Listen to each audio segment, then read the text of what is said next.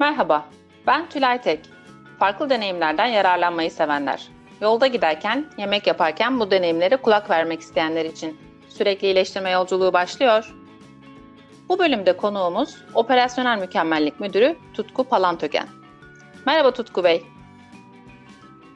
Merhabalar Tülay Hanım. Hoş geldiniz. Nasılsınız? Teşekkürler. Siz de iyisinizdir inşallah. Evet, iyiyim ben de. Teşekkür ederim.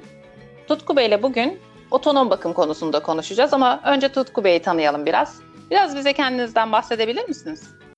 Tabii ki. Ben öncelikle yapmış olduğunuz bu yararlı paylaşımlar ve söyleşiler sebebiyle sizlere teşekkür etmek isterim. Bugün de gündem konumuz özelinde teknik ve kültürel anlamda ufak bir katkım olabilecek bir imkan sağlanmış olmasına da ayrıca mutlu olduğumu belirtmek isterim. Umarım dinleyenler için güzel bir söyleşi olur. Kendimi tanıtmam gerekirse 88 doğumluyum. Evliyim ve 3,5 yaşında bir kızım var. Allah bağışlasın. Teşekkür ederim. 2010 yılında elektrik elektronik mühendisliği bölümünü bitirdim. Aynı yaz dönemi içerisinde iş hayatıma otomasyon sektöründe proje uzmanlığı göreviyle başladım. Bu süre zarfında çeşitli endüstri alanlarında yurt içi, yurt dışı birçok fabrika görme fırsatı yakalayarak otomasyon e, projelerinde bulundum. Tabii bu projeler genel olarak ağırlıklı olarak üretim alanındaki kısımlardı. Üretimin dinamikliğini görmüş olmam ve teknolojiden beslendikçe farklı bir seviyeye çıkması gibi ana etkenler beni biraz daha böyle üretim alanındaki kısımlara girmemde ana etkenler oldu. Ee, sonraki süre zarfında 6 yıl süre içerisinde üretim departmanlarında uzmanlık ve yöneticilik görevlerinde bulundum. Ağırlıklı olarak e, otomotiv e, sektöründe. Son 4 senedir de 4 sene öncesindeki kısımda da yalın üretim ve 6 sigma yaklaşımlarıyla tanışmış olmam beni bir 4 senelik süre zarfında bu kısımlara yönelmemi, bu kısımlarda ilerlemem, üretim alanında daha çok yine aynı şekilde kurumumda ve operasyonel mükemmellik müdürlüğü görevini şu an yürütmeme sebep oldu. Biz e, OPEX kapsamında ne yapıyoruz kısmındaki bir genel bir soruya gelirsek kurumumuzda e, yalın altı sigma dönüşümünün yayılımını ve gerekli teknik eğitimlerin belirlenmesi ve gerçekleştirilmesi, kullanmış olduğumuz üretim yönetim sistemlerinin ve bu kontrol sistemlerinin çağın gerekli ayak uyduracak şekilde kurgulanması ve işletilmesi, şirket ana stratejilerinin hesaplanabilecek ve kontrol edebilecek nicel çıktılarla çalışanlarımıza aktarılarak tüm bu çalışmaların göstergelere olumlu yansıması için çalışmalar yürütüyoruz. Bugün de OPEX kapsamındaki çalışmalarımızdan biri olan otonom bakım yaklaşımı üzerine sizlerle sohbet etmek için buradayım diyerek giriş aşamasını toparlamış olayım. Teşekkür ederiz. Biz de deneyimlerinizi paylaşmak için katıldığınız için teşekkür ederiz. Şimdi operatörlerin küçük bakım görevlerini yerine getirmeleri sağlanarak verimliliği arttırmaya amaçlayan otonom bakım konusunda konuşacağız. Buradan yola çıkarsak otonom bakımda çalışanların, operatörlerin sahip olması gereken beceri ve yetkinlikler var mı? Eğer varsa bu yetkinlik ve becerileri siz firma olarak nasıl sağladınız?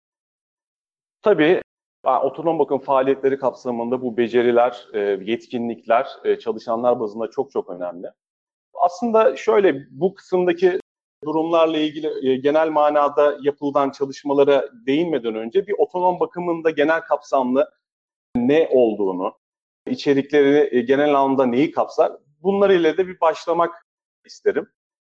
Biz otonom bakım çerçevesinde operatörlerin bakım departmanından bağımsız olarak kendi ekipmanlarının bakımında rol almaları gerekliliğini sağlama ve makinalardaki anormalliklere karşı farkındalığı üst seviyeye çıkarmak için öz disiplini sağlamaya çalışan aktiviteler bütünü olarak görüyoruz. Bu önemli bir tanım. Aslında çok ayrı çalışmaların hepsinin genel manasıyla kapsayan bir kısım.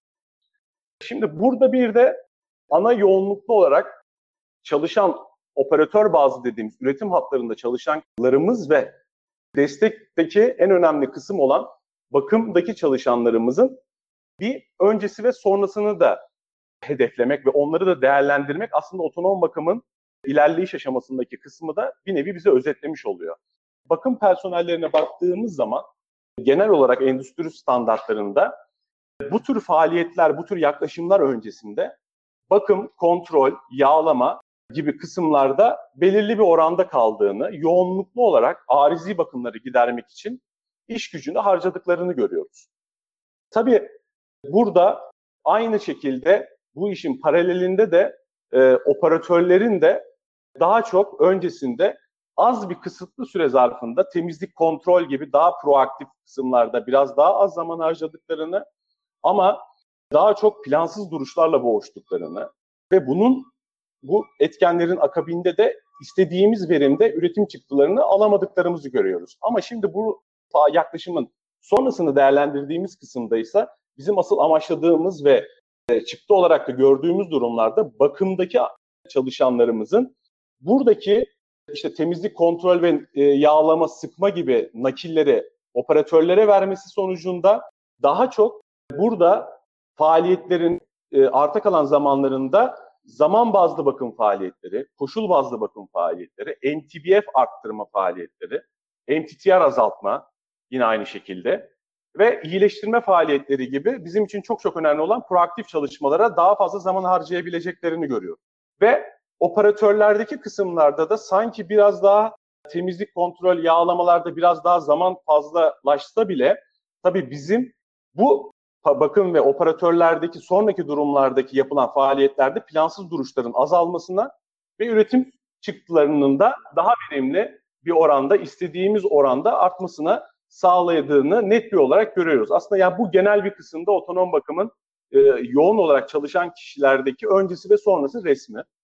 Bu etkinlikleri gerçekleştirmek isterken de elinizde kullanabileceğiniz teknik becerilerin olması gerekiyor. Bunu belki ileriki zamanlarda süreç kısmında da daha detaylı bir kısımda anlatırız ama tabii ekiplere becerilerini arttırmasını sağlarken onların e, yapabileceği ve beklentilerine göre de bunları belirlemek çok çok önemli. Biz bu kapsamda bu becerilerin ve eğitim ihtiyaç analizlerini belirlerken iki kısımda değerlendiriyoruz. Yani daha çok koordinasyon ekibi ve saha ekibi olarak. Şimdi koordinasyon ekibindeki kısıtlarda baktığımız zaman kim var bu koordinasyon ekibinde? Orada biraz daha çok beyaz yaka yönetici arkadaşlarımız, daha e, yönetim kapsamında kurguyu yaratabilecek olan kişiler oluyor. Saha ekibinde de direkt bir fiil o uygulamaları gerçekleştirilecek olan bakım, iş sağlığı güvenliği ve diğer paydaş birimler zaten üretim bu işin ana merkezinde. Oradaki çalışan mavi yaka yönetici arkadaşlarımız ve operatör, operatör yardımcıları oluyor saha ekibi kısmında da.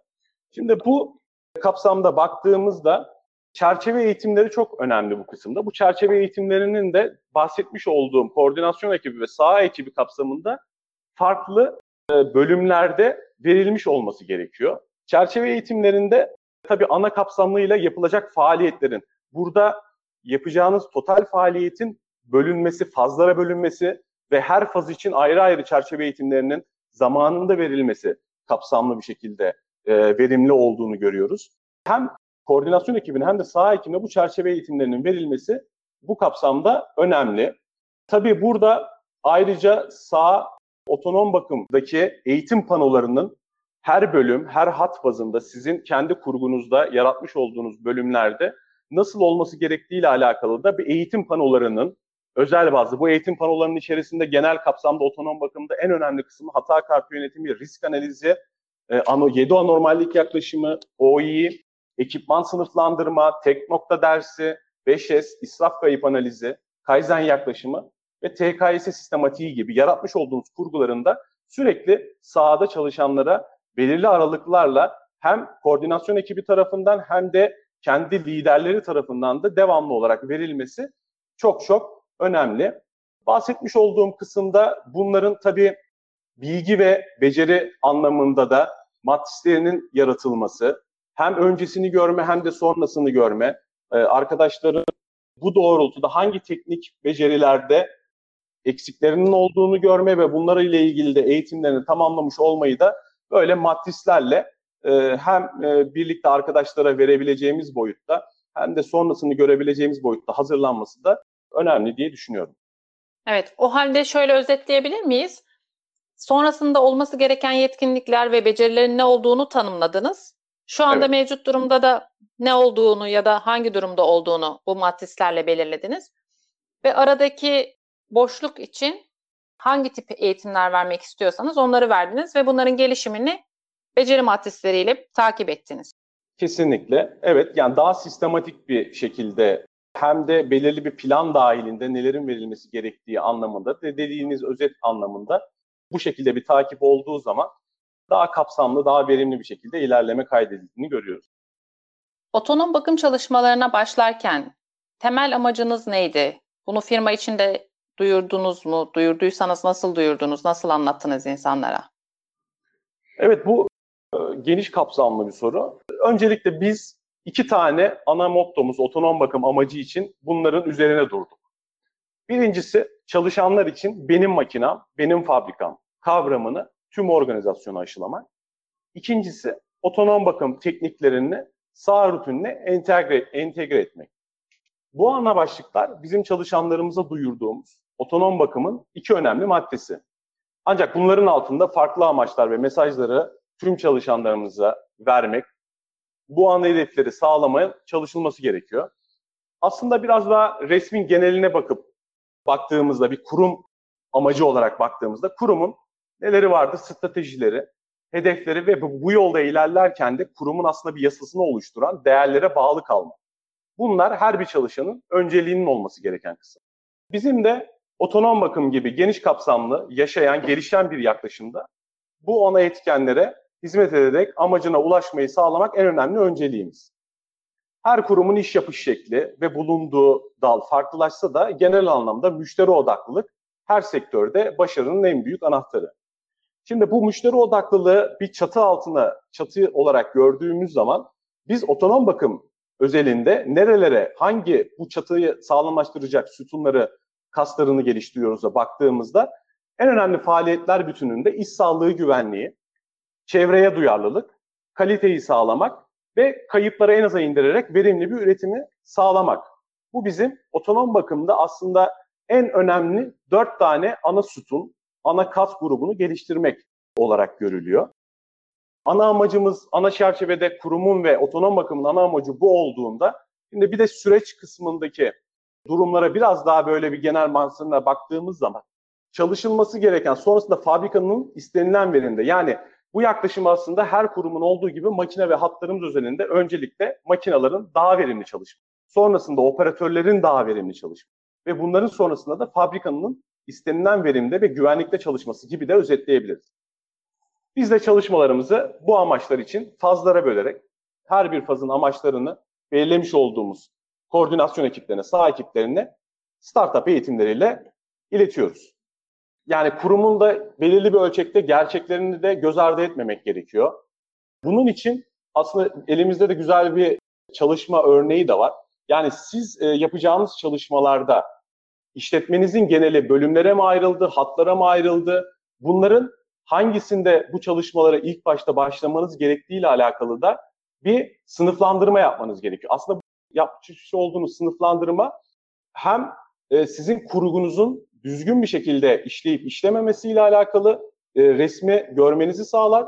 Hem de sizin için belirlemiş olduğunuz kriterlerde yapmış olduğunuz sınıflandırmada hangi hattın, hangi makinenin veya hangi bölümün sizin için daha fazla kritiklik seviyesini ortaya çıkarır. Burada yapacağınız tabii bazı analizler var. Yani mesela ABC analizi gibi olan kısımlarda farklı kriterleri puanlayarak veya farklı kriterleri değerlendirerek yine farklı paydaş birimlerin uzmanlık alanları ile ilgili birlikte çalışarak bir sınıflandırma yapıp bu doğrultuda belirli bir yerden başlamak da bu kapsamda önemli. Çünkü amacınızı bir nevi pilot model, buna ya tabii model makine diyebilirsiniz, pilot makine diyebilirsiniz. Yapacağınız çalışmaları buralarda başlayıp ileriki aşamalardaki yapacağınız e, neleri hedefliyorsanız yayılımı buna göre yapmanız size gideceğiniz yolda bazen geri dönüşlerde veya yaptığınız kurgularda değişimlerin daha kolay bir şekilde amacınıza yönelik sağlanmış olmasını da sağlar. Bu kapsamda hani bir de önemli olan kısımda tabii bu amacı hangi doğrultuda nerelere verilmek, sizin için kritik olan yerlerdeki kısımlara vermek de e, bunun çalışmasını yapmak da önemli. Peki çalışmalara başlamaya karar verdiniz. Karar verdikten sonraki süreç nasıl ilerledi otonom bakım çalışmalarında? Ne tür zorluklarla karşılaştınız ya da zorluklarla karşılaştınız mı? Belki zorluklarla da karşılaşmamışsınızdır. Eğer zorluklarınız olduysa bu zorlukları nasıl aştınız? Evet yani zorluklarla karşılaşıp karşılaşmama durumu aslında bir nevi bu kader değil. Ne kadar iyi hazırlandığınız veya kurguyu nasıl daha iyi yarattığınızla alakalı. Ee, siz öncelikli olarak ana ekip ve bu çalışmada paydaş olan tüm ekipler ile süreç diyagramını net bir şekilde sağlarsanız başında tüm çıkabilecek sorunları konuşarak hani bunlar için bir A planı, B planı gibi kısımları masada ele alabilecek boyutta tartışırsanız aslında bir nevi zorluklarında en başında ekarte etmiş oluyorsunuz. Şimdi otonom bakım e, yaklaşımı genel manada sahada uygulanan bir kısım. Ama tabii bunun öncesindeki olan kurgu çok çok önemli. Sizin bahsetmiş olduğunuz zorlukları yenebileceğiniz kurgu aslında bir nevi bu masa başında yaratılmış olan kurgunun kurum kültürüne ve alabilecek olan durumdaki yani daha yalın nasıl olur kapsamında tartışmayla alakalı yapılabilecek en güzel çalışmanın e, uygulamaya sağ tarafına yönlendirilmesi sonucunda bir nevi zorlukları aslında dediğim gibi öncesinde ekart etmiş oluyorsunuz. Karşınıza çıkabilecek zorluklar kapsamına baktığınız zaman otonom bakım çalışması bir ortak payda kapsamında yürütülen ve destek birimlerinin çok çok önemli olduğu, paydaşlarının olduğu bir çalışma. Bu sebepten dolayı yapacağınız çalışmada hangi şartlarda, ne zaman ve nasıl yardım alınacağını bu paydaşlar kısmında belirlemek, netleştirmek çok önemli. Bakım bölümünüzden, iş sağlığı güvenliği bölümünüzden veya otonom bakım faaliyetlerinin keşifliği, saha mükemmelliği, sürekli iyileştirme gibi farklı OPEX pillarlarından, yaklaşımlarından e, ne zaman ve nasıl destek alacağınızı netleştirmeye kapsamına giriyor. Eğer siz bu kapsamları net bir şekilde bu kurguda yarattığınız zaman aslında sağdan gelebilecek kopuklukların, iletişim problemlerinin de önüne geçmiş oluyorsunuz. Ayrıca bir diğer konuda iş gücü. Çalışanların bu yaklaşıma ayıracağı zamanı iyi yönetmek, yapılmak istenilen tüm faaliyetleri bir nevi sindirilerek gitmesi de gelebilecek yine geri bildirimlerde çok çok önemli ve size fayda sağlayabilecek bir durum. Yani bu, bu tarz bir e, yönetimde tüm çalışanlar daha fazla keyif alıyor. E, her yapılan aktivitenin çünkü iyileştirmenin çıktısının olumlu sonuçlarını görme imkanı sağlayabiliyorsunuz. Bu sebepten dolayı tüm süreci mesela en başta bahsettiğim fazlara bölmek, steplere bölmek, bunu hedeflediğiniz yerlerde o kültürün içeriye empoze edilmesine size büyük kolaylık sağlayacak. Bu kapsamda bu zorlukları aslında bir nevi ekarte etmek anlamında mesela şöyle bir yaklaşım sergilemek uygun olabiliyor. Otonom bakım faaliyetleri aslında 7 ana faaliyet yani 7 ana stepten oluşan bir durum. Bunları fazlara da bölebilirsiniz. İlk faaliyetler bütünü kötüleşmeyi ölçme faaliyetleri. Öncelikle yani her yaptığınız projede de işte DİMEK veya TÜAİK mantığıyla öncelikle bir tanımlaması, analizi çok çok önemli. Tabii bu aşamada yapacağınız hatta mevcut analizin yapılması, öncesi resmin çekilmesi ve çalışanlara anormallik kavramının farkındalığını yaratmak bu step'in en önemli aşamalarından bir tanesi. İkinci olarak kötüleşmeyi önleme faaliyetleri. Buradaki ana faaliyetlerin başında temizlik kontrol, yağlama, sık, sıkma e, kapsamının e, iş nakillerinin gerektiği ölçüde operatörlere verilmesi. Tabii burada eğitimler çok çok önemli. Çünkü özellikle yağlama ve sıkma daha çok kurumlarda bakım tarafından yürütülmüş bir faaliyet ama onların e, belirli işte tek nokta dersleri, standart operasyonlarla bu çalışanlara eğitimlerinin sağlanması aslında operatörlerin de makineleri daha iyi tanımasına fırsat sağlıyor. Üçüncü aşamada artık bu ana faaliyet bütünlüğü kötüleşmeyi düzeltme faaliyetleri olarak tanımlıyoruz. Küçük ayarlar, basit tamirler, önemlisi de farkında olduğumuz anormallik ve uygunsuzlukların hata kartlarıyla, hata kartı yönetimine geçilerek asılarak ilgili birimlerle çözülme aşaması. Burada hata kartı yönetimi otonom bakımın en önemli faaliyetlerinden bir tanesi. Burada sizin belirleyeceğiniz iş sağlığı güvenliği, bakım olabilir, kalite olabilir, çevre olabilir gibi türde hata kartları tanımlaması yapılabilir. Amaç Heineck piramidi yani bunu iş sağlığı güvenliği olarak da alabilirsiniz. Bakım veya kalite faaliyeti olarak da alabilirsiniz.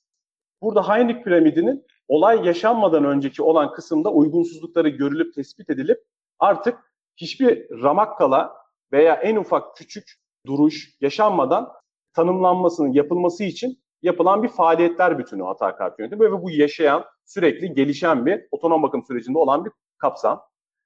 E, dördüncü aşamada artık kayıpları analiz etme kısmına giriyoruz. Burada e, işte analiz panoları oluşturabilirsiniz. E, bu belirlenen kayıplara karşı birlikte, paydaşlarınızla birlikte yaşayacağınız, yürüteceğiniz kaizenler, kuşak projelerini sağlayabilirsiniz.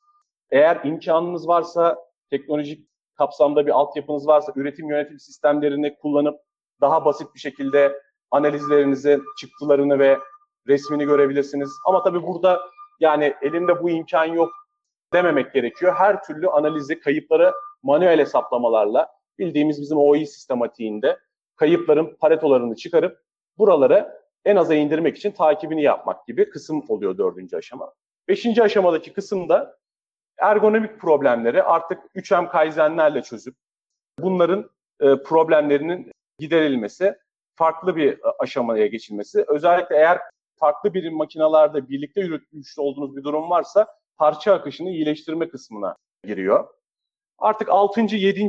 çalışmalarda da bizim aslında ulvi amacımız olan eğitim verebilecek her konuda standartları kendi hazırlayabilecek bir mühendis operatörler yetiştirme aşaması oluyor.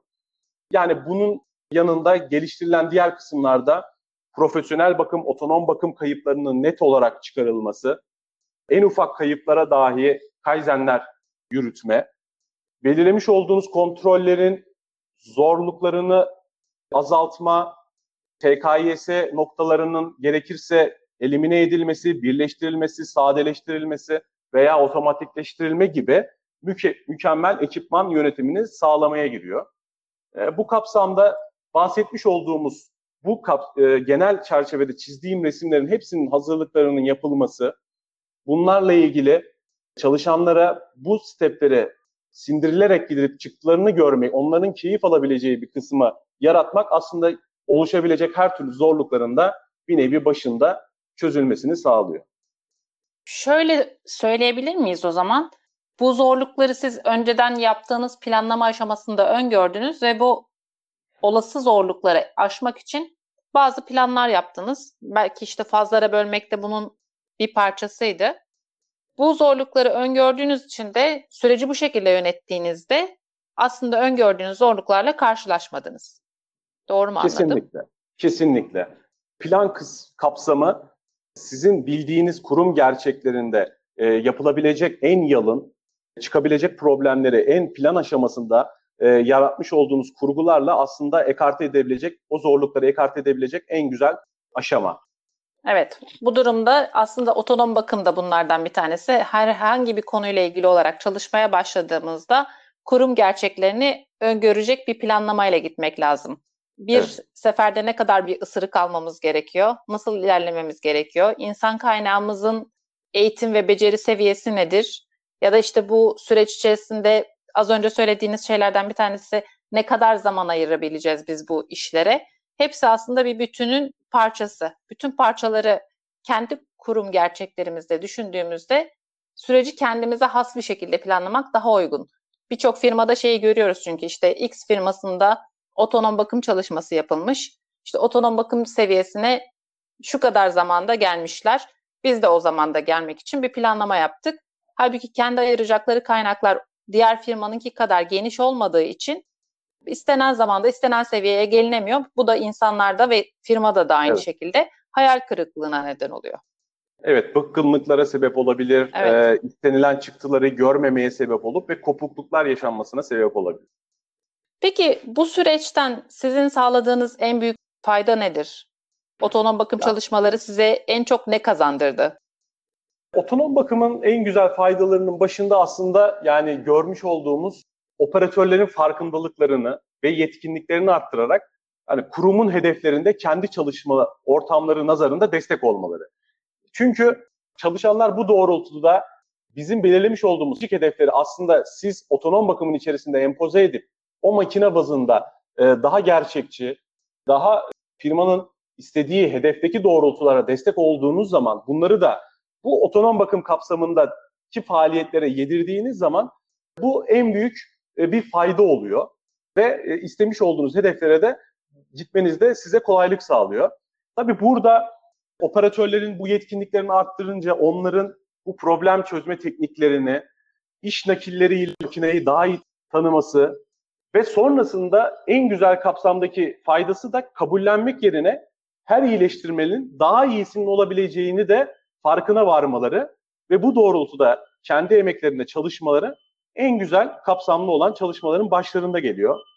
Sonrasına baktığımızda daha verimli operasyonlar sağlıyorsunuz. Kayıpların en aza indirilmesi, sürpriz duruşlar yaşamıyorsunuz ve özellikle sizin tabii bir yetiştirmeniz gereken bir tedarik kısmındaki bir durumunuz varsa bunların karşılaşmaması gerektiğiyle alakalı kısımlar yaratıyorsunuz. Aslında şöyle faydası da oluyor tabii bu sürekli iyileştirmenin içerisinde de yer alan bir kısım. Otonom bakımda hani bunları periyodik olarak her saha toplantılarında günlük, haftalık bazlı değerlendirme, makine başında değerlendirme zamında o kayıpları bir nevi elimine ederek gittiğiniz zaman sizin içinde bir, bir nevi rahatlık oluyor. Yani örnek olarak baktığınız zaman çok büyük stok yönetimlerine faydası oluyor. Yani büyük parça üretimler ve yaratmış olduğunuz stoklarda sizin azaltmış olduğunuz kayıplar bazında daha verimli makinalarla daha ufak parçalardaki kısımlar üretimlerini sağlayarak çok farklı boyutlarda da size e, fayda sağlayabiliyor. Bunun haricinde analiz yaklaşımını sergilemekten bahsettik. Öncelik gösterme, bunlar önemli. Bunların faydasını görüyoruz otonom bakımda. Birlikte çalışma kapsamında iletişimin güçlendirme, bakım, proses, üretim, İSG, kalite dayanışması, öncesinde belirlemiş olduğunuz iş sağlığı güvenliği açısından riskleriniz, kirlilik haritalarınız varsa bunlar kapsamında güzel iyileştirmeler sağlayabiliyorsunuz.